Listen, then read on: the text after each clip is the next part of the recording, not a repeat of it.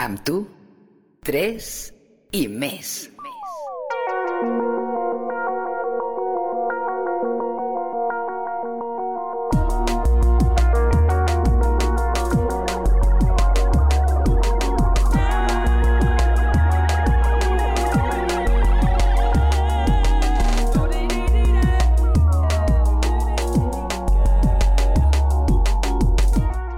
Jordi Villacampa, Eloi Ponce i Jane Maruska. Hola, què tal? Com esteu? Benvingudes i benvinguts justament ara, quan és la millor hora que heu decidit per estar amb la millor companyia. Nosaltres som tres i més. Eloi Ponce Cabrera, què tal? Com estàs? Doncs molt bé, Jordi Villacampa Vinyes. Aquí, a l'estudi d'Instantropia, com sempre, al Centre Històric de Lleida, des d'on gravem el nostre programa per tot Catalunya. Jane Maruska, què tal? Exacte, des de Lleida per tota Catalunya. I no només això, també tenim audiència de, de part de l'estranger, perquè el nostre programa arriba i volem que arribi a tot arreu. I dit això, només us volia recordar que ens podreu seguir a les nostres xarxes socials i ens podeu escriure, deixar missatges, comentar, opinar. Necessitem molt de la vostra opinió i participació per poder crear el debat, trobar respostes o no, i a partir d'aquí doncs, anar construint el programa entre tots. Dit això, ens podeu seguir al arroba 3 i més Facebook, Twitter, Instagram i ens trobareu al canal de Spotify i a YouTube. Molt bé. No quedem curts, eh? No, les estem- tenim Estem totes. Ens en falta alguna? No ho sé, ho podria preguntar també. doncs això, esperem tots els vostres missatges. Qui ens acompanya avui, Jordi?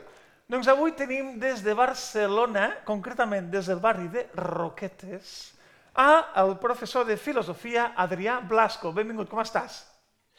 Gràcies, bé, molt bé. Encantat d'estar aquí. Igualment. I també des de la ciutat comtal tenim, però en un altre barri, a l'artista plàstica Nu Miret Renyer. Com estàs, Nu? Molt bé, gràcies. Ara potser no he dit el barri, però podríem dir també Upper Raval. A Perraval. No? Hi ha l'Upper i el de baix, no? També? El teu és el de dalt. Eh? El meu és el de dalt. Com estàs, bé? Jo no ho sabia, això dels barris, Sí. del Raval.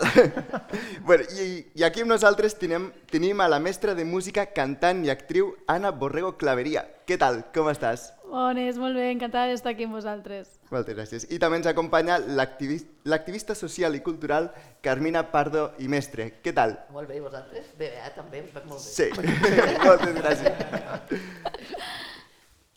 Vale, doncs en aquest programa també ens acompanyen dos convidats especials. Ix- Ixa, Ixella Con- eh, Quesada Consejo, ho he dit bé?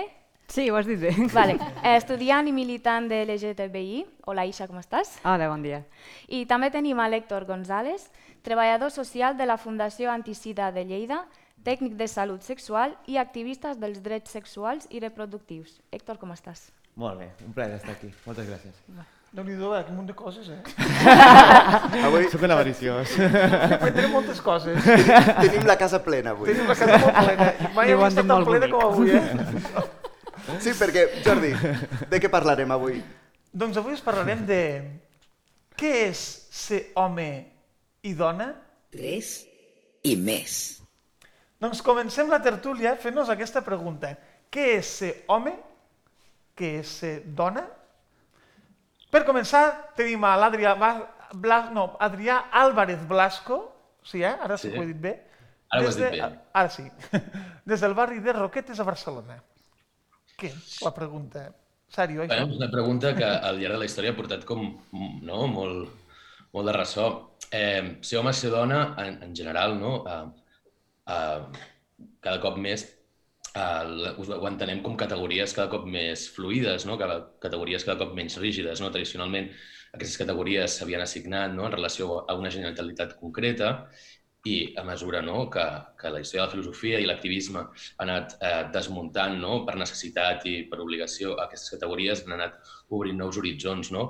fins al punt en el que avui parlar d'home i dona o parlar de masculinitat i feminitat eh, en termes generals eh, és fer-li poca justícia no, al debat. Eh, ser home i ser dona en general és... Ha, ha, sonat alguna cosa, però... Sí. Bueno, um, no sé si em m'estic allargant potser. No, no, no, bé, bé. No? Val. Eh, doncs això, ser home i ser dona és eh, una manera de performar no? uns cànons eh, eh, socioculturals, econòmics, eh, al llarg de la nostra vida, no? des de que som petits i fins, a, fins al dia de la nostra mort. És a dir, el gènere és, és quelcom impregnat a la nostra societat i, i el qual difícilment ens en podem eh, separar. Bona introducció. Gràcies, Adrià. No sé com ho veuen la, la Nu des de l'Aper Raval, que és home i dona. Doncs mira, no puc estar més d'acord amb l'Adrià. Eh, Ai, sembla trobo que pel que emocionat. fa... Bueno, que el gènere en realitat trobo que és una construcció performativa també, no? Perquè no hi ha res que mos sigui donat naturalment que mos faci ser home o que mos faci ser dona, no? O qualsevol altra cosa. De manera que, bueno, a diferència del sexe, que sí que ve donat a partir d'una diferència anatòmica binària, no? Femení o masculí, en aquesta línia mm, jo crec que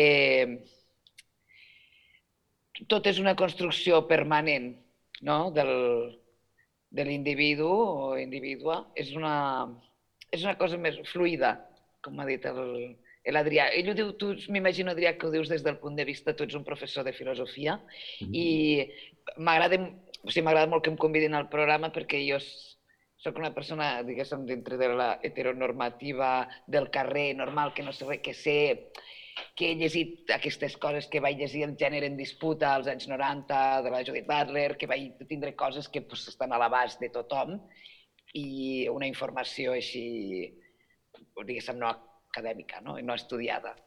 Uh -huh. I bé, això. Molt bé, doncs moltes gràcies, Nu. Eh, passem ara a veure l'opinió de, de les tertulians que tenim aquí a, a plató. Anna Borrego, què, què en penses? Que, quina... Bueno, crec que estarem tots bastant d'acord amb el mateix, amb la mateixa línia que estan marcant els, els companys de, del Zoom, no? que al final és un tema de llenguatge. És, un, és una cosa que ve estereotipada de fa molt temps, no? ser dona, ser home, al final és una cosa fisiològica, jo sóc una dona, home, o no? puc, puc um, ser moltíssimes coses avui en dia, tenim aquest llenguatge tan universal de que apareixen moltes més cosetes, moltes més, molts més gèneres, però al final és, és, és intentar com, com que jo m'ho miro des de la part més de l'educació, no? des de la part de l'escola que jo estic amb els nens i les nenes avui en dia i, i encara hi ha un estereotip molt marcat de nens i nenes dintre d'ells mateixos i de les seves pròpies famílies. No? Llavors, bueno, doncs, hi ha un camí de, de construcció per construir. Jo sempre dic que per construir s'ha de construir, aprendre molt i després tornar a construir alguna nou. Així que jo m'ho veig des d'aquest punt de vista. Molt bé, moltes gràcies, molt interessant aquesta visió més escolar. Eh, Carmina, si ens vols dir la teva. La veritat és que sí, veig que anem tothom amb la mateixa línia, no? però, però està bé. Jo penso que, que ser home i ser dona són gèneres, que moltes vegades confonen amb sexes, i que, i que, bueno, que la veritat és que anem construint, ens van construint, i, i es materialitzen i es, es, es eh, manifesten amb coses tan, tan quotidianes i tan absurdes com la possibilitat de que jo avui porti faldilla sense escandalitzar ningú i perquè doncs, teòricament sóc una, una dona, tinc l'estereotip de dona, i que qualsevol altra persona, que, que un home que teòricament seria binàriament un home, es posés avui faldilla, doncs no seria escàndol pel carrer. No?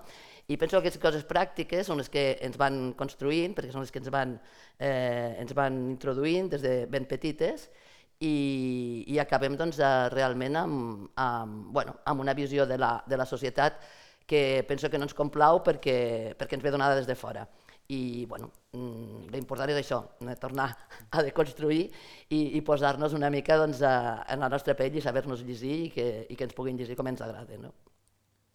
Molt bé, doncs moltes gràcies. I això?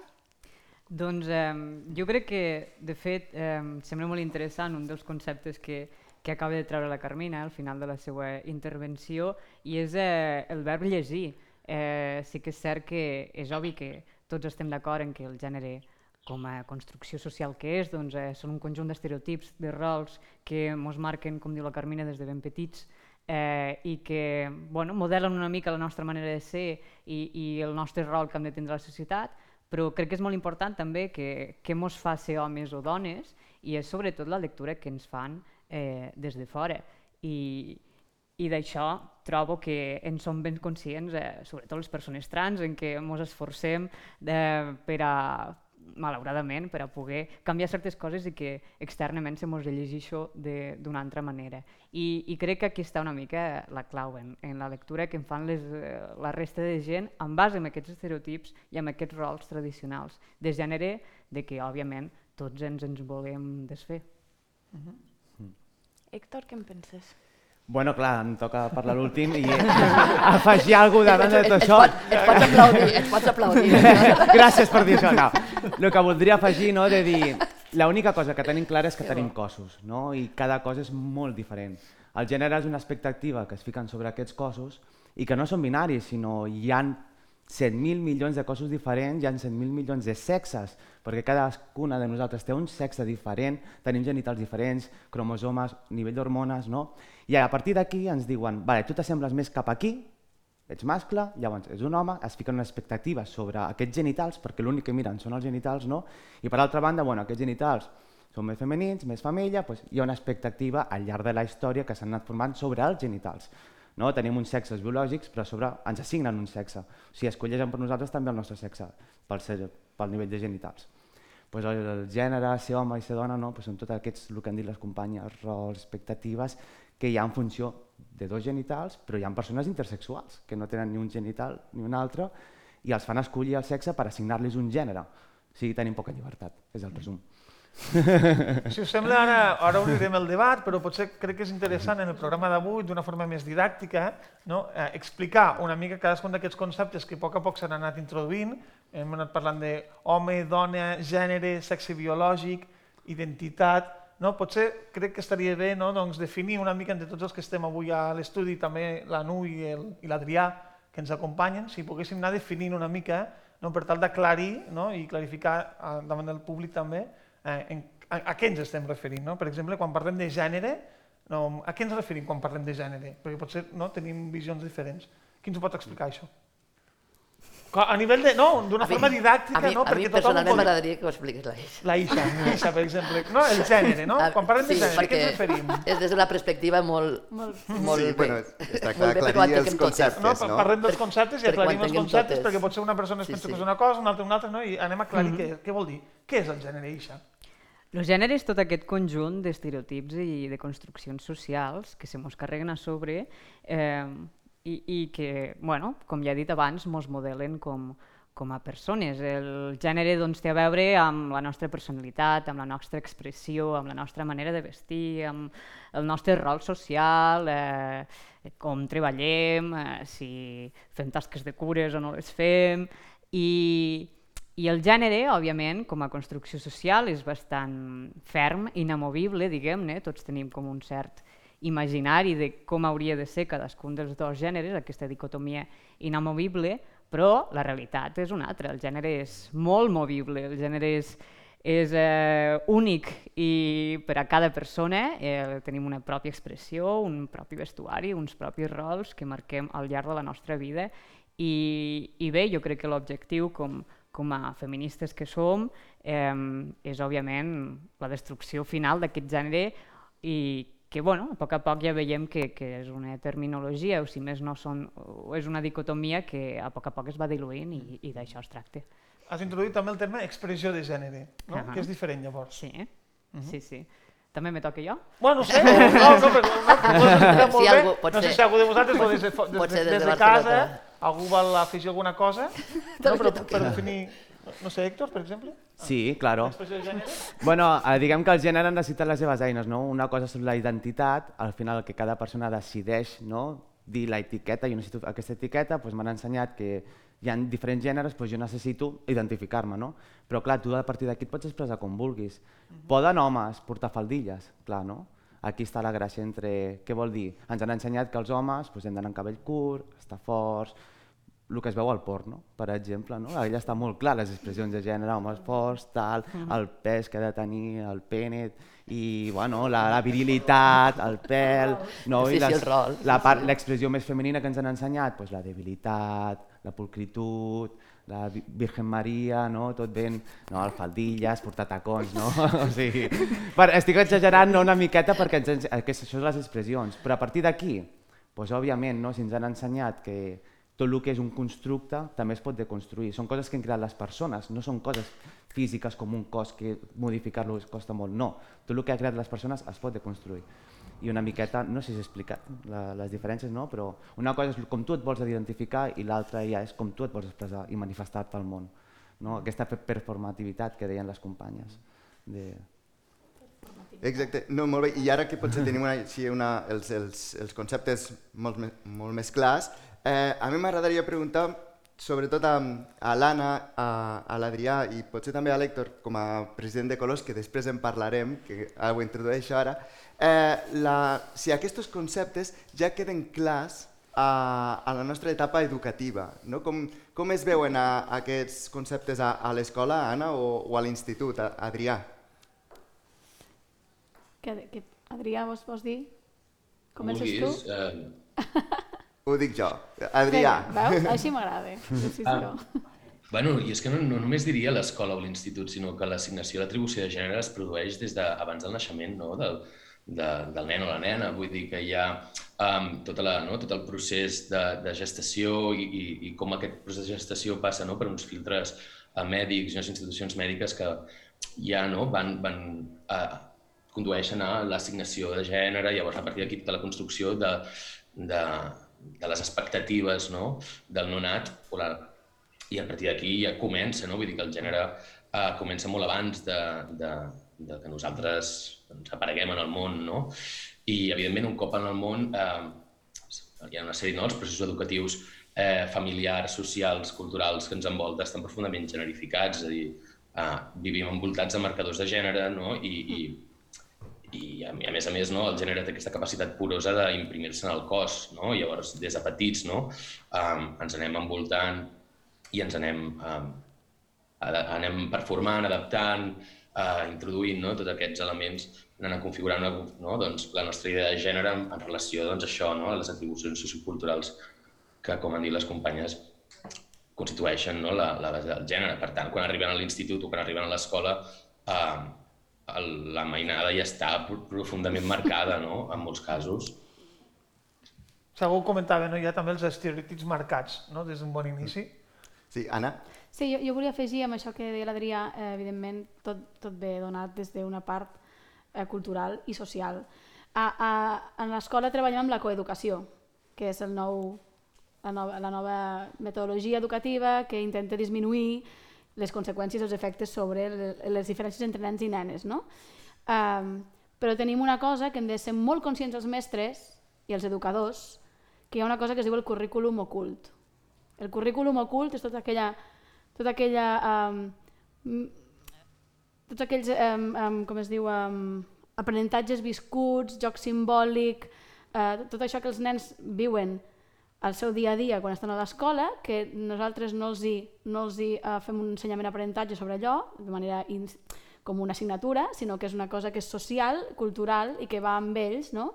I això s'ha de treballar també a l'escola. Aquest currículum també s'ha de treballar, no pot quedar allí com una cosa totalment tancada. Per això es diu ocult, perquè no es veu, no és visible, sinó que hem amb els nens i nenes hem d'anar treballant de manera més visible tota aquesta part de la coeducació. A mi m'agrada parlar més de co coeducació, més que coeducació, coeducació, perquè crec que, que és molt bonic parlar de la coeducació, però costa molt, des de les escoles, treballar-lo, perquè la gent, eh, molts mestres encara no tenen aquest concepte del reciclatge social, de, de formar-se sobre aquest món, de preguntar-se qui sóc, què, què vull fer, on vull arribar amb els nens, amb els infants, Llavors crec que, que hem, de, hem de, el que deia abans, no? de tornar a, a deconstruir una mica per tornar a construir tot aquestes, tots aquests, trencar aquests estereotips, per a que les, sobretot amb les famílies. Me'n dono compte, jo tinc molts nens d'ètnia, molts nens d'ètnia, sobretot gitana, on aquests estereotips estan molt marcats. I a l'escola ens trobem molts nens que ens diuen no, és, això no, no ho pot fer una nena perquè no és forta o la nena d'estar treballant, no, que ho faci una nena aquest càrrec de neteja perquè és una nena. Doncs ens donem compte que hem de trencar molt amb tots aquests estereotips socials i familiars i és una llarga feina però que ho farem, ho intentarem fer el millor que podem. Mentre estaves parlant teníem a la Carmina prenent notes. Sí, he apuntat No sé, una cosa, perquè, perquè a part de, de la part professional, que penso que està molt bé, no, l'aportació d'en Veig, hi ha una part que jo penso que he d'aportar obligatòriament amb aquesta tertúlia, que és la de l'experiència, no? llavors, llavors... Ho hem dit doncs- nosaltres, eh? ho, he- ho he dit jo, ho he dit tot jo, ho he dit tot jo. Però és veritat, no, i de la qual estic molt orgullosa, no?, de, de, de poder-la portar. Eh, eh, clar, me fa molta gràcia perquè realment eh, nosaltres vam passar de lo que eren les escoles absolutament de nois i de, de nens i de nenes Ah. separats, a les escoles mixtes, que ens va semblar que era ja, vamos, yuju, una cosa molt aconseguida, i després el gran, el gran debat sobre que una escola mixta no tenia per què ser coeducativa. No? I, I és molt bo perquè hem arribat a l'escola coeducativa i continua estant les mateixes, els mateixos eh, temes i els mateixos problemes, perquè clar, no, sol, no existeix l'escola aïllada com una bombolla per poder fer la seva formació i tal, sinó de que clar, la, la canalla entra i surt, i com és molt lògic, i a més doncs, eh, la construcció està en tots els llocs, està en, en tots els llocs, vull dir, i a més és que és quasi eh, és que sembla mentida com, com pot entrar tant sense, en famílies absolutament progressistes amb aquesta, amb aquesta qüestió que intenten doncs, formar i educar d'una manera amb una escola superguai, és igual. Mm, és igual, surten al carrer, van a jugar, que és el que han de fer, i, i allí doncs, eh, se fa l'aprenentatge d'aquesta absoluta, bueno, ni coeducació ni, ni res. Eh, però bueno, mm, jo sóc optimista, eh, perquè ja t'he dit, han passat de l'escola absolutament separada i, i, i, i, i, i nens i nens pel seu costat a la mixta, que ja era, ja t'he dit, en el, meu, en el meu moment era una cosa, vamos, que semblava mentida que pogués ser a la coeducativa, el que passa que la coeducació continua estant, claro, molt, molt, molt impregnada de tot el que passa. Que, perdó, respecte al que estàs comentant, eh, jo penso que, que no hem... O sigui, moltes vegades ens confonem el, lo que, la nostra història o el nostre, el nostre passat, la nostra part més genètica que ens ve, no?, en eliminar-la.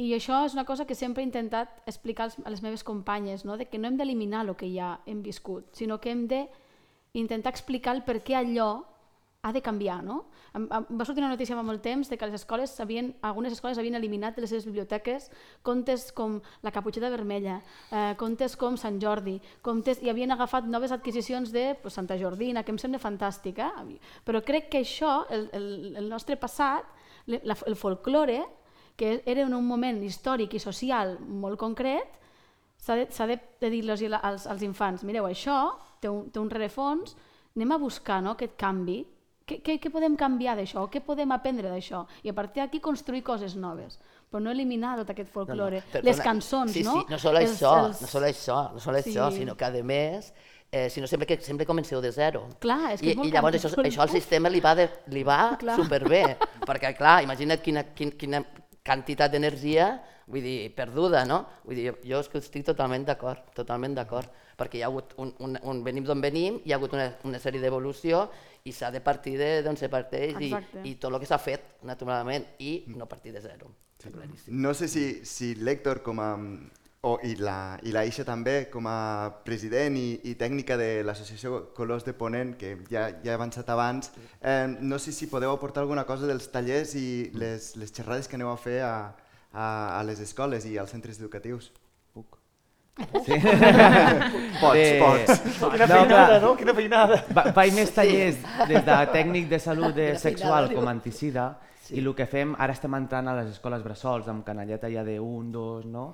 i a primària també estem començant a fer tallers i a l'ESO.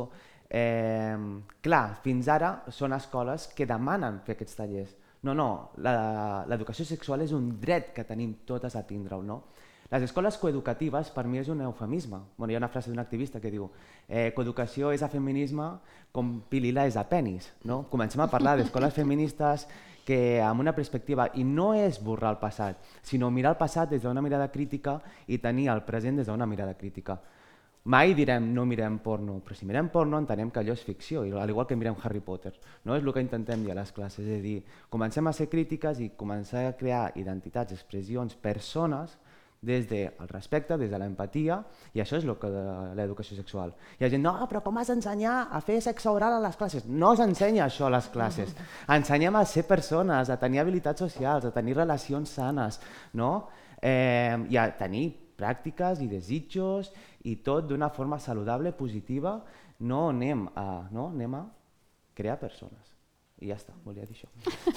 No, de la secció oral són seminaris que es poden fer. Sí, clar, i després si venen a consulta individual els podem Clar, explicar tots els dubtes que tinc, però a nivell individual a les classes anem a, anem a fer persones i anem a... que estigui, siguin persones lliures i que puguin escollir. Teníem a la Isa molt pensativa, Sí. reflexiva... Què te passa? Sí. Explica, què te passa? Què te passa, companya? Mm, no, no em deixen de semblar eufemismes, de totes maneres. Sí. És, és evident. Eh, és evident que quan anem a les escoles i quan anem a fer tallers, que com bé diu l'Hèctor, de moment som voluntaris, és a dir, són les pròpies, els propis centres educatius que ens demanen de fer en aquests centres, quan, aquests tallers, quan no hauria de ser així, hauria de ser eh, que, que hi anéssim sí o sí, diguem-ne. En tot cas, quan anem a fer aquests tallers, comprovem òbviament, òbviament que, que malgrat els avenços, eh, l'educació patriarcal encara és allà i encara hi ha uns forts estereotips i rols de gènere que hem de combatre. I quan parlem d'educar tota aquesta gent perquè siguin persones, jo afegiria, hem d'educar tota aquesta gent perquè siguin persones feministes, no només lliures, que siguin feministes, que siguin respectuoses i capacitar-les per a identificar, sobretot, totes aquelles discriminacions que es puguen donar en els seus espais eh, i actuar davant d'aquests casos. I, I crec que això també és molt, molt important, més enllà de de, d'això, de crear persones lliures que puguen triar. Està molt bé que puguen triar, però la discriminació hi és, eh, la lesbifòbia encara és ben present i una persona pot ser ben lliure i després va al pati i li foten una hòstia per, per tindre ploma, per eh, tindre una expressió de gènere dissident o, o perquè li agraden les noies, saps? I llavors, eh, bueno, sóc una mica més directa, diguem-ne, i, i trobo que, que s'ha de parlar clar, s'ha de parlar d'allò que anem a fer amb les escoles i, i òbviament tot taller, tota educació ajuda i s'ha de, bé, s'ha de tirar endavant, s'ha de- d'entrar a més escoles, s'ha d'entrar a més escoles obligatòriament, no només per voluntat. Mm -hmm. Numiret, des de Barcelona, no sé si tens alguna cosa a afegir des d'aquest punt més artístic, més cultural. No la sentim, tenim el micro tancat, hauries de... de... tens el micro tancat. Has d'obrir el micròfon. Has d'obrir el micròfon. Tot i que hem vist que... eh, Molt bé, gràcies, sí. me vaig emocionar. Supereufòrica, superposada, eh? Però t'hem vist molt, molt posada en, en la intervenció, eh? Mare meva. Doncs que el gènere, evidentment, tal com ells han explicat i han dit molt bé, perquè ho heu sabut explicar molt bé en termes, eh, ho dic així des de peu de carrera, evidentment, tal com està ara, el... no funciona. No? Tal com està definit ara, no funciona. S'ha de deconstruir o s'ha de, no sé, s'han de mirar les capes que l'han format, s'ha de treballar des de, des de on sigui, per això, pel respecte. No sé si des, de un, des del feminisme o des de la coeducació, que m'ha agradat molt el terme, perquè és, ja no és només perdem, sinó anem a fer coses de veritat, no? que és el que es necessita. Jo penso que des del carrer, jo tinc moltíssims amics, em trobo en una conversa, i per això em vaig voler unir amb aquest tema, em trobo en una conversa en la que moltíssima gent no sabia ni el que és transgènere, per exemple. És una cosa que ara, que ara us direu, com? Doncs sí, hi ha molta gent que no sap el que és ser transgènere, o que no sap el que és queer, o que simplement no s'ha preguntat mai, no sé, coses que, que tot el que surti de la, de la normativa no? No, no existeix. Per això la feina que feu des de les associacions, per exemple, i des de les escoles és, vamos, fonamental, fonamental, perquè pensa que hi ha moltíssima gent, i no gent, no estic parlant de la gent de, dels meus pares i de gent de, de la tercera edat, sinó de gent jove que no saben ben bé què és el que està passant. I és la primera vegada a la història que es pot parlar d'això, que un no cal que es defineixi, que pots sortir i viure la teva sexualitat i la teva identitat com vulguis, més o menys, entre cometes, aquí en aquest país, i, i pues, que és això que és molt important de fer-ne difusió entre, bueno, des de, des de l'escola, evidentment, però també des de a peu de carrer, la gent, la gent que és una cosa que s'ha de parlar, normalitzar, obrir i respecte. Jo crec que el respecte, ja ho heu dit molt bé, és la base de tot. Tornem en aquesta part més didàctica, no? no? Has comentat, no? Molta gent no sap què és una persona transgènere, què és una persona queer. Aprofitant que tenim a la Isha, Eh, potser podríem aprofi- aprofitar per, per definir, avui estem aprofitant Per molt. eh, ja ho exprimir-la, exprimir-la. Això sobre No, no, explotació perquè- trans. Això, Eh? sí. exacte, exacte. No, no, no, no es pot accedir al treball i ja t'exploten. Ja, va, ja va per aquí, ja va per aquí, ja va per aquí, això. Eh, sí, entenc que responc per al·lusions. eh, bé, òbviament, per explicar terminologia, entenc també, eh, una persona trans doncs, eh, és una persona que no s'identifica amb el gènere al qual se li va assignar en nàixer, és mm, tan simple com això i una persona trans pot ser binària i no binària. És a dir, que pot haver persones trans que transiten dintre d'aquest binarisme d'home a dona, de dona a home, però també hi ha persones trans que fugen, i cada cop més, de fet, que fugen d'aquest binarisme i s'identifiquen com a persones no binàries. I bé, persona queer, o, o què és queer, jo, bueno, individualment o personalment sempre dic que no, no és un terme que m'acabe de convèncer, diguem-ne, perquè trobo que és un terme que va sorgir en un context completament diferent, estranger, i que en el seu context cultural i lingüístic té, té molt té bueno, molt de significat, molta importància, i en el nostre jo trobo que no tant, però en tot cas, per definir-lo, doncs, eh, una persona queer seria una persona, el que en diríem dissident sexual o de gènere, vull dir, no té, no té més, només això, una persona que se surt d'aquesta norma eh, cisnormativa, heteronormativa i que presenta alguna mena de, de dissidència perquè fa la seva sexualitat o el seu gènere. Per tant, la paraula queer a mi pues, eh, pot semblar més o menys mm, poderosa, perquè sembla que tots els anglicismes ens semblen més, més esto, però eh, tenim paraules en el nostre idioma per fer, per, bueno, que volen dir el mateix, diguem-ne. Volia afegir a el que deia la Nur, de... hi ha moltes persones que no saben el que és queer o trans o tal, i dic, però és que hi ha moltes persones que no saben ni que, com es diu, el que tenen entre les cames. O sigui, moltíssimes dones li diuen vagina, li diuen eh, potorro, xocho, però no saben que es diu vulva. O sigui, i per exemple no saben el clítoris, ni, ni, ni lo gran que és, no? que té 8 centímetres, no, té, no és una lentejita de, de 3 mil·límetres. O sigui, tenim tan poca educació sexual, ens ensenyen tan poc sobre les, de, de, sobre les sexualitats, que, que queda moltíssima feina per fer. Però bueno, hi ha gent jove, hi ha gent gran, hi ha gent de totes les edats que està apostant per aquest tema i jo crec que anirem transformant la societat cap a millor. Vale, en, en aquest sentit de desconeixement, desinformació, creieu que els mitjans de comunicació haurien o informen del tema? Tu, Carmina, vinga. A vegades no saps, que, no saps si, si és millor que informin o que no informin. eh, perquè penso que bueno, la, la formació eh, hauria de començar pels propis periodistes eh, i per les pròpies, per totes les professions, eh? vull dir, no, Mhm. vull dir, ara perquè estés d'aquest tema, però el que passa que a més el periodisme té una incidència important naturalment a nivell social i de, i de, i de manera de- d'incidir a nivell social. Per tant, jo, jo que sàpiga, mai s'ha demanat a Colors una formació per part d'un mitjà o d'un medi local, o ja no te dic quin, que sigui a nivell de Catalunya, nacional o estatal i tal. Jo crec que estaria molt bé, el que passa que aquí també és veritat que, que amb el tema de premsa, mm, jo, amb el premsa periodista, mm, parti, o sigui, mm, topem amb, amb, una, amb una manera de, de, amb una feina o amb una professió que, que ja penso que les pròpies facultats els empoderen dient-los de que ells ho saben tot, no? I, i clar, eh, eh, és una mica com a complicat, potser s'hauria de començar per aquí, s'hauria de començar per, per, la, per la universitat, per, la lloc de, per llocs de formació, no sol, no sol amb aquest tema, no, no sol amb els periodistes, sinó amb els metges, amb, els, bueno, amb, amb totes les professions, perquè realment és qui, qui trameten, trameten aquest, aquesta, aquest binarisme i aquesta manera de, de viure a nivell social. Mm, naturalment, mm, a premsa es parla, però no sol d'aquest tema, és que de tots, és que de tots, si anem analitzant, si tu parles amb gent su- su- super senzill, eh? gent que treballa en temes, un taller de cotxes, parles amb una persona que sàpigui realment de cotxes i, i li dius, què, què et sembla aquest article que et tret? pues te dirà que potser que passessin per taller i explicaria ell com funciona un Va cotxe. sortir un diari de la premsa catalana, perquè em sembla que no poden dir noms, no?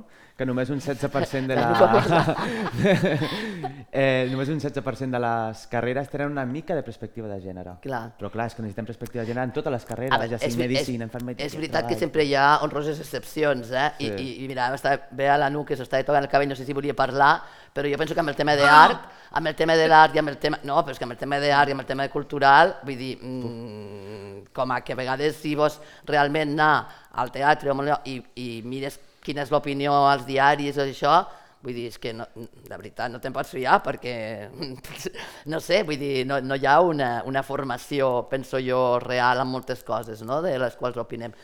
Començant per mi mateixa, eh? Vull dir, jo opino a vegades de moltes coses a les quals doncs, hauria de, de naturalment eh, fer la reflexió de dir, bueno, pues, potser que primer te n'enteris una mica més bé, no? Però clar, aquesta part d'humilitat d'entrada, pues, a vegades a nivell de premsa doncs, no, no hi és. Acabem amb l'Adrià, si us sembla, aquesta primera part de la tertúlia. Adrià, si vols afegir alguna cosa de tot això que s'ha dit. Jo no, a mi no em cal afegir res, eh? Vale. No, No, estic moltíssim des de casa. Imagino que el, els oients també es gaudiran moltíssim. Sí, sí. Perfecte, però qui sí ha d'afegir alguna cosa és la gent, perquè anem ara a conèixer l'opinió de l'audiència. Bosal 3. Molt bé, doncs a les xarxes vale, tenim eh, tres missatges. A Instagram tenim per part d'un usuari, que, una usuària que es diu eh, Sil Silva Guililla, vale, i ens diu doncs jo diria que a banda de la biologia, ser home o dona és una construcció mental i cultural. Justament fa poc hi pensava, en referència a la identitat. Si no, és- si no ens identifiquem amb un cos, què som? Tenen sexe les idees? Sabeu el típic, això em fa pensar, per exemple, el típic que diuen ai, llences la pilota com una nena. Les accions tenen sexe? Masclismes. A No, mi com a és- construcció mental m'ha sobtat una construcció Sí, mental, no? sí. Òbviament Sí, que a és també. social, que ens influeix, llavors ens, ens creem la personalitat a partir de- d'aquí. Però això es pot deconstruir, no? I tant. Però també quan et diuen ai, mira, ara pen has pen penses com una dona i tu ets un home. I dius, és això, les idees o els pensaments tenen sexe? Clar, tot, tot té, no, sexe no, però té, tot té gènere, gènere. naturalment. Sí. Tot té gènere perquè hi ha aquesta construcció que és la que ha Però fet, fet que hi hagi coses exemple, que siguin d'home i siguin de penses dona. com una dona, allò et fa pensar doncs, que, clar, com pensen les dones? Pues, És que aquí hem de canviar, hem de canviar. sensibles. Com pensa una dona? Pues pense Igual que un home. Igual que empoderada. No, igual que un home no. Eh, amb, amb idees super... No, empoderada, amb idees clares referent al seu gènere, amb, no? No, és, no vol dir dona vulnerable, dona... No? És aquí és que on- aquí és el que parlàvem Clar. abans. Hi ha una part d'educació, hi ha una part de- educativa i, de, i, de, de, i social, però també hi ha una part de voler canviar, de voler pensar diferent. O sigui, jo puc, a l'escola jo puc treballar amb els infants i amb les famílies i els hi puc no? dir, mireu, és que hem d'intentar no sé què, però si ells no volen fer el canvi, mm, hi ha una Clar. part també de, de mentalitat Sí, i sí. dir, bueno, jo quan dic això, de fer, prendre consciència. És que, clar, condueix malament, dona havies de ser, no? Per exemple, no? Sí, Aquests micromasclismes que anem fent mm, cada dia sense donar-nos en compte. Jo també n'he fet. O sigui, jo, en algun moment de la meva vida, també he tingut aquests moments de dir, uau, Anna, en sèrio has dit això? Però prenc consciència i dic, no, vull canviar-ho. Clar, si no hi ha un, un, una, una consciència de canvi, ja podem parlar-ne aquí hores i tal, però serà complicat. Vale. Eh, un altre missatge tenim d'un usuari que es diu eh, Valet Bo. Avui, avui en dia és difícil opinar lliurement sobre temes d'aquest tipus. Personalment considero que cadascú pot tenir la seva opinió sobre què és dona o ser home, però el més important és respectar-nos els uns als altres i poder expressar-nos lliurement sense faltar al respecte.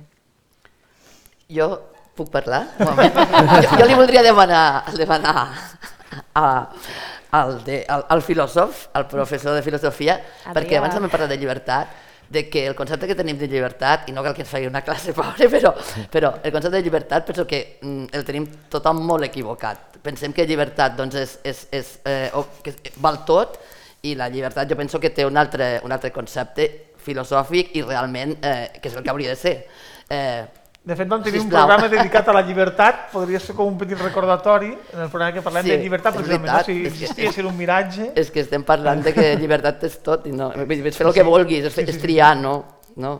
A veure, No, a- absolutament d'acord. eh, Crec que el concepte de llibertat ha estat molt mal interpretat, no? I especialment des de uh, com s'ha instrumentalitzat, no? Des del neoliberalisme, no? I, I des del segle XIX, la idea de que cadascú pot fer i desfer i dir el que, no? el que sigui sense cap tipus de repercussió, eh, ah, no? perquè estem en un context de llibertades en plural, um, i això doncs, llibertat. Uh, genera moltes, moltes problemàtiques perquè potser eh, acaba fent mal, no? O acaba tenint una repercussió cap a les persones. Bueno, no sé, és una mica...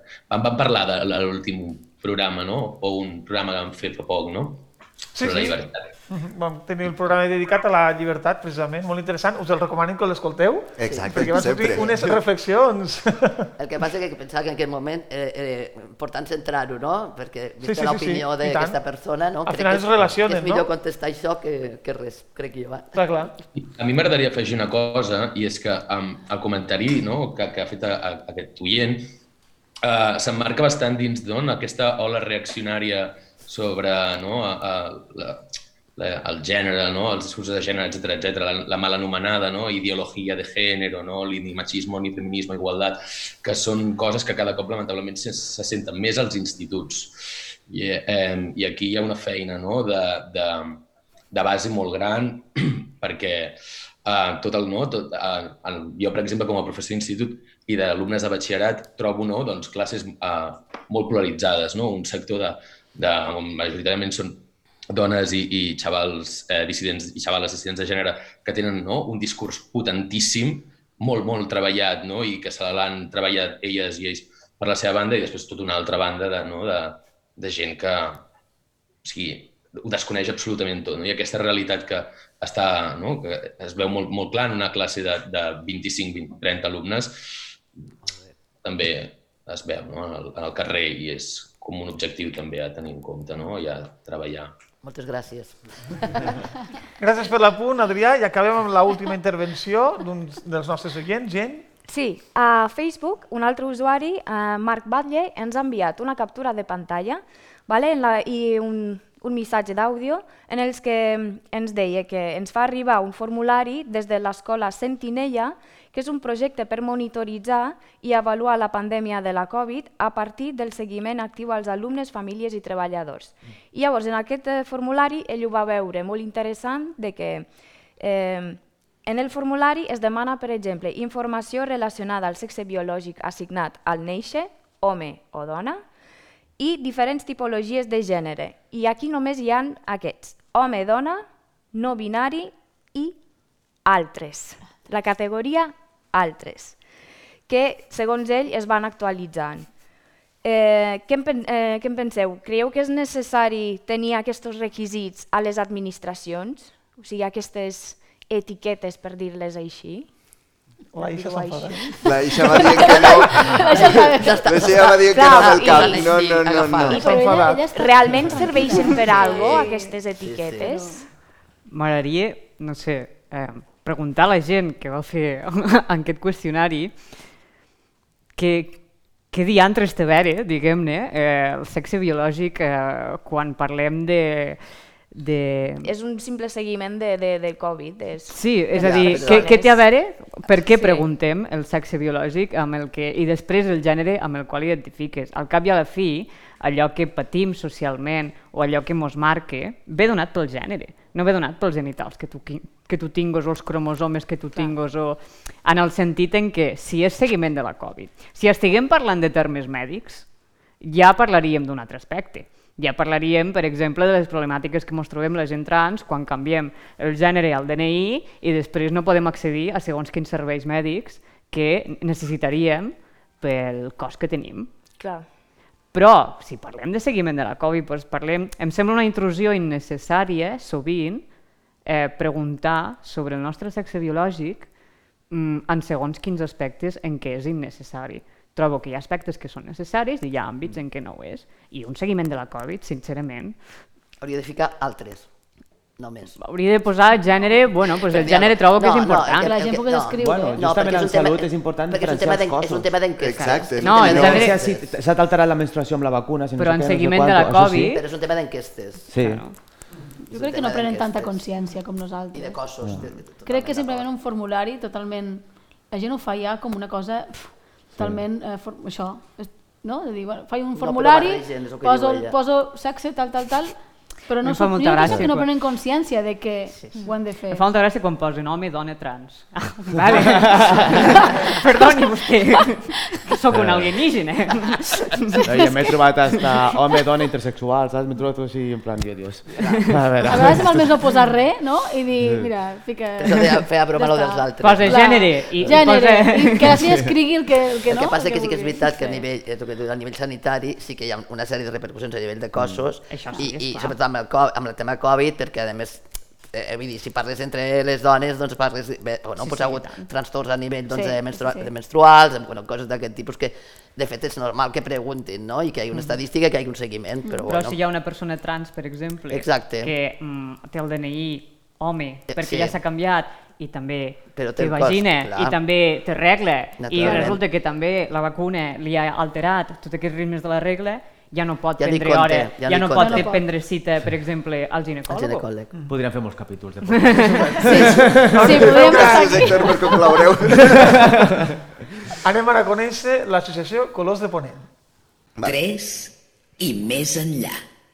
Aprofitant que avui al, programa tenim a l'Héctor González, eh, volem presentar-vos l'associació Colors de Ponent, de, que és una associació LGTBIQ+, de Lleida, sí, eh? Sí, sí, sí. de Lleida i que us volem aproximar. Héctor, si ens vols això, presentar una mica, fer-nos una mica d'història de l'associació... Sí, bueno, va néixer ja quasi, va, bueno, al gener farà ja sis anys, com passa el temps, no? De, bueno, pues unes quantes personetes de Lleida, del món de l'activisme, del feminisme i tal, van trobar la necessitat imminent de crear un espai de socialització, de reivindicació LGTB, i bueno, de tres personetes van començar a 6, la següent reunió van ser 12, 15 i bueno, va començar a crear una estructura, uns estatuts i tal, i es va formar una associació i a partir d'aquí pues, intentem treballar tot el tema de que hi hagi un espai a la ciutat de socialització, on les persones LGTB es puguin trobar, trobar referents, conèixer gent, no? perquè no hi havia cap espai així. Després reivindicar, doncs hem fet a, en el seu moment una moció a l'Ajuntament que es va aprovar, s'ha fet al Consell Municipal i bueno, s'han anat aconseguint moltes cosetes, com ara l'últim any el Pla Municipal LGTB de la ciutat. Després també fem molt acompanyament, atencions individuals, suport a persones, a famílies, eh, en totes les sigles, identitats, expressions, no? el que faci falta a les personetes.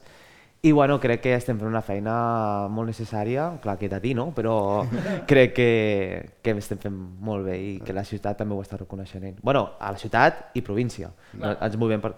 Precisament no, no t'anàvem a preguntar per això, no? perquè és una, Colors de Ponent està a Lleida, estava en el centre històric de la ciutat, però probablement existeixen més associacions LGTBIQ+, no m'he deixat cap lletra, No, sí, va. a, a la resta de municipis, no? tant com la província de Lleida com a la resta de Catalunya. No sé si teniu relació amb elles o... Sí, associacions com associacions com nosaltres no, hi han col·lectius, com el col·lectiu Bliaina al Pallars, va sortir a Solsona, també la Cúgula, eh, que no, potser no tenen aquesta estructura, però sí que estan fent una feina a nivell de territori de visibilització, de reivindicació, d'oci, que està fent molt, molt, molt, molt bon treball i Colors i anem col·laborant conjuntament. També bueno, ens movem, nosaltres ens desplacem a tot el territori fins a Seu Urgell i a la Vall d'Aran i estem ajudant a fer les, a, també plans municipals i bueno, el que faci falta tallers, ens desplacem, o sigui, no, no tenim barreres. Clar, perquè parlant de territori, creus que és el mateix ser homosexual, ser transexual a Trem o a Girona, a Lleida? No, clar. Està, és diferent això. No, hi ha molt més tabú, molt més silenci, falten referents, no? Bueno, no és que no hi hagin persones LGTB, sinó que no es visibilitzen tant d'una forma tan, tan natural i, i clar, doncs, créixer des de petit i petita allà en un poblet que no hi ha referents, que diu, oi, per què sento atracció i no pots dir a ningú perquè és com molt tabú i no és el mateix, no és el mateix. Molt bé, pues, i ja per acabar la- l'entrevista, Héctor, si ens vols fer la teva recomanació, Mira, jo fa poc vaig mirar un documental que, bueno, que, que el recomano moltíssim perquè parla molt de les masculinitats, que es diu The You Are In, i podeu trobar al YouTube, per exemple, està subtitulat, i, però bueno, et replanteja molt de com s'ha construït la identitat masculina, no? tot aquest tema del patriarcat i tal, i t'ajuda a fer un xip al cap que està molt bé.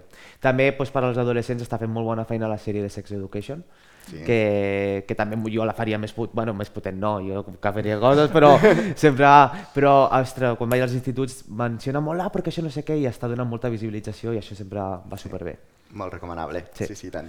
Doncs moltes gràcies per acompanyar-nos. en el A programa vosaltres, per donar-nos gràcies. Et espai. deixem amb la Jane. Eh, quina por. En un 3 i no res. Hola, què tal, Héctor? Bé. Eh, comencem amb unes preguntes molt curtetes, vale? Vinga. Què és el que mai et canses de fer? Ui, mai em canso de menjar, jo crec, sempre estaria menjant. Va.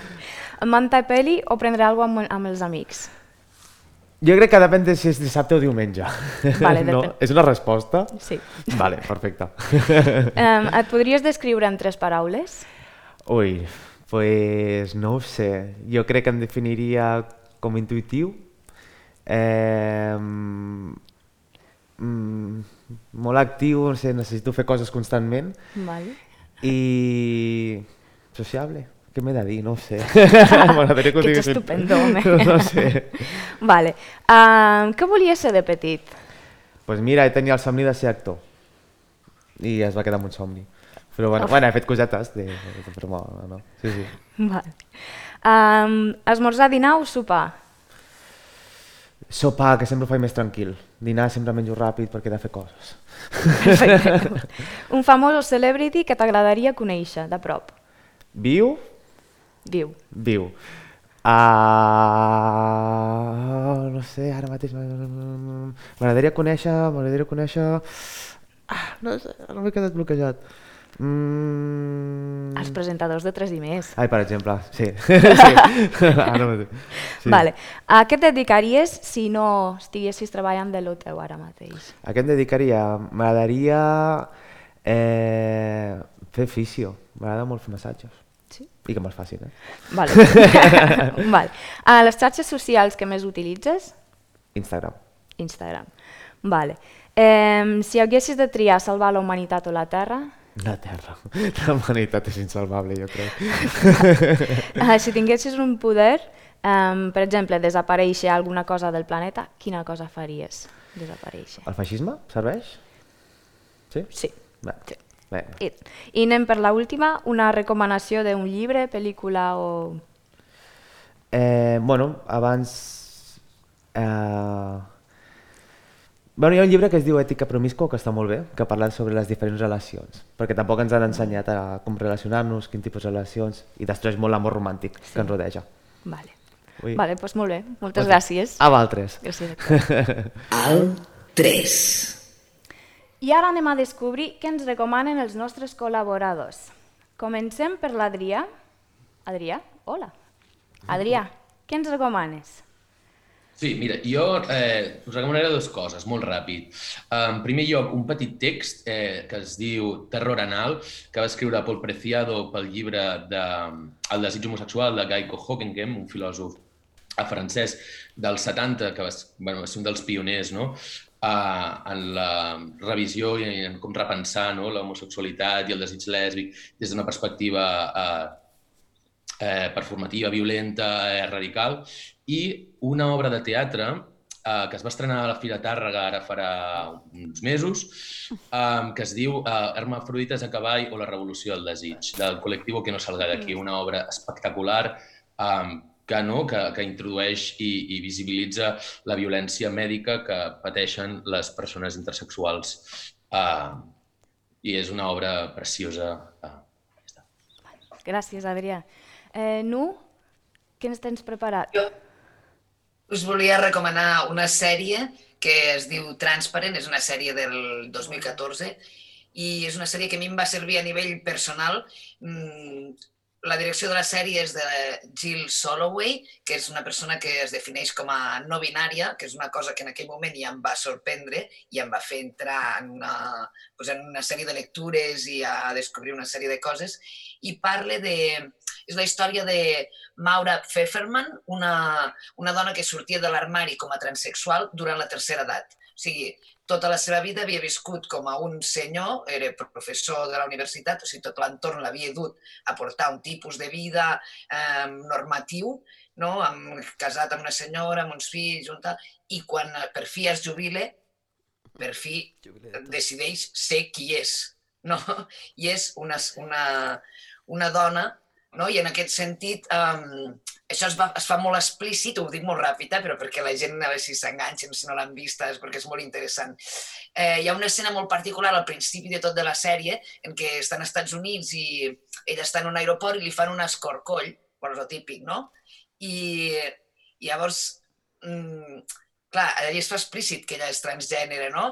I em va agradar la sèrie perquè és una sèrie on es permet identificar els, els tres bueno, aquestes coses que es confonen que dèiem abans, no? Que diu, ai, mira, diu, és una dona trans. Dic, no és una dona, però clar, com que la gent no sap el que és, que transgènere pues, seria l'expressió general per referir a les persones a la identitat i a l'expressió de gènere, no? de les quals es diferencia del, del sexe assignat quan neixem.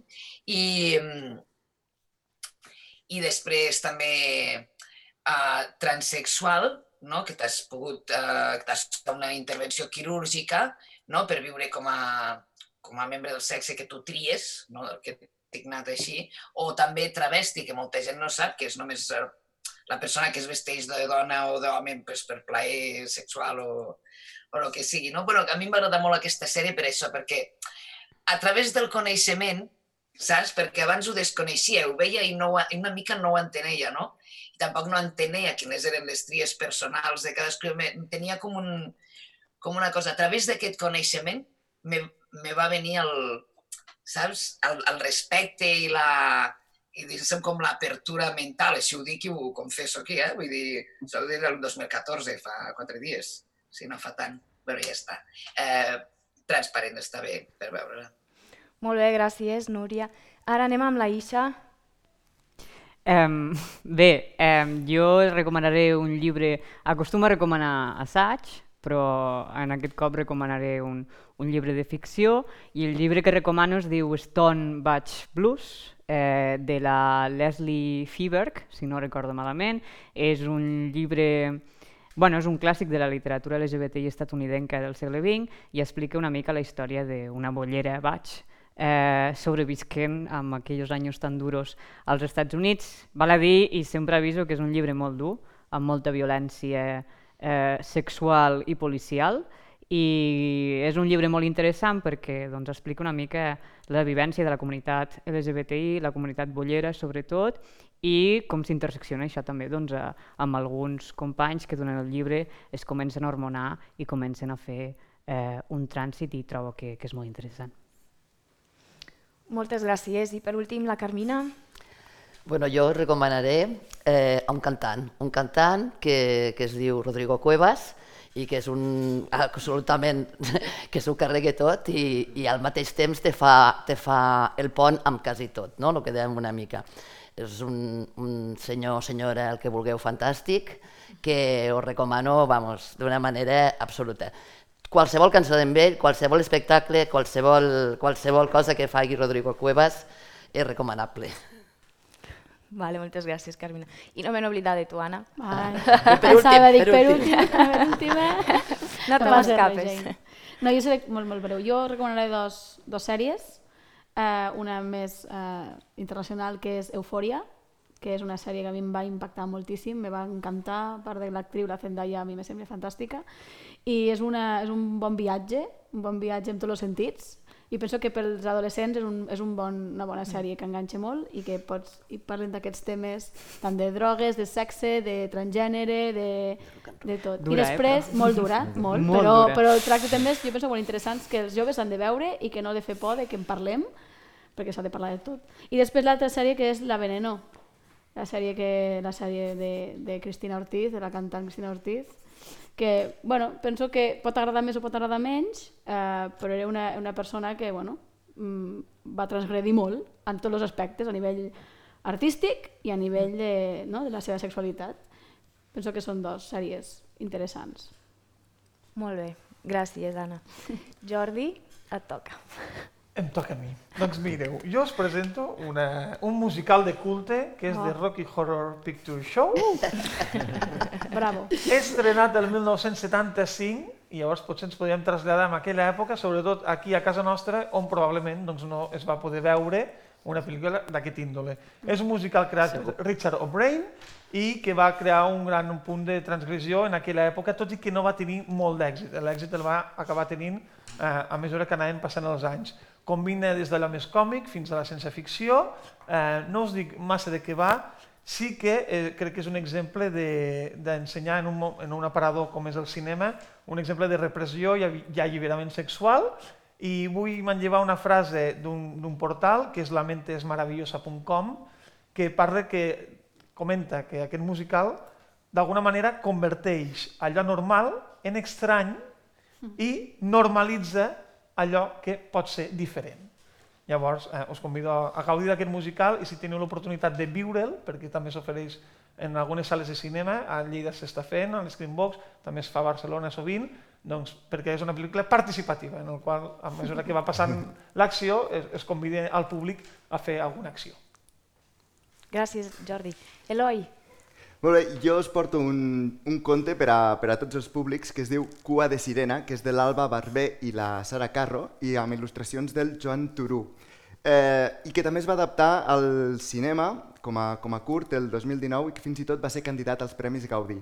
I aprofitant el que dèiem abans de, dels llibres a les escoles, a les biblioteques escolars, eh, crec que és una molt bona eina per, per aproximar a, a tots els, els alumnes els estereotips de gènere, la, la diversitat, així com el desenvolupament de la, de la pròpia identitat.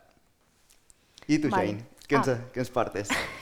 doncs hi ha un documental que es diu En Fem, que es va presentar sense ficció i es pot veure a la carta a TV3, i tracta sobre el naixement d'una comunitat, la dels crossdressers, i no us explico gaire cosa perquè és molt interessant de veure, perquè mm, parlen sobretot també de la identitat i l'orientació sexual. Doncs estem ja arribant als últims minuts del programa i tocarà acomiadar-se, no? Déu-n'hi-do, Exacte. Quin programa avui, ben complet, eh? Ens ha quedat una mica llarg, però està superbé. Bueno, Sí? Per això fem un podcast, Ja havia- perquè te pots anar seqüenciant i te pots anar escoltant estonetes, no? exacte. Pues això. Pues no ens allarguem més i, i donem, donem, les, moltes, donem Molt- les gràcies a... Sí, als- primer de tot els col·laboradors del dia, Adrià Álvarez Blazco, des de Barcelona, Gràcies a vosaltres. A la Nu Miret Renyer, també des de Barcelona, a Perraval, la tenim per Ah, aquí. Ara, ara, ara ha aparegut. Està, mu està muda, està muda la Nu, S'ha però mutejat. t'hi agraïm. Moltes gràcies. Ara, ara. Està més agafant aire, eh? I també a, a l'estudi les col·laboradores Ana Borrego Claveria Encantada d'estar aquí. i Carmina Pardo Mestre. Moltíssimes gràcies. Molt bé. Evidentment, també moltes gràcies a l'Héctor González Moltes gràcies per fer això. i a la Isella Quesada. I també, com sempre, a tot l'equip tècnic i personal que fa possible aquest programa. Moltíssimes gràcies. Moltíssimes gràcies a tots i no oblideu d'escriure-nos a través de les xarxes socials. Animeu-vos a deixar-nos missatges, comentaris, opinions, preguntes, el que vulgueu. Així que, ja ho sabeu, ens escoltem d'aquí a 15 dies. Fins aviat! Fins Fins aviat.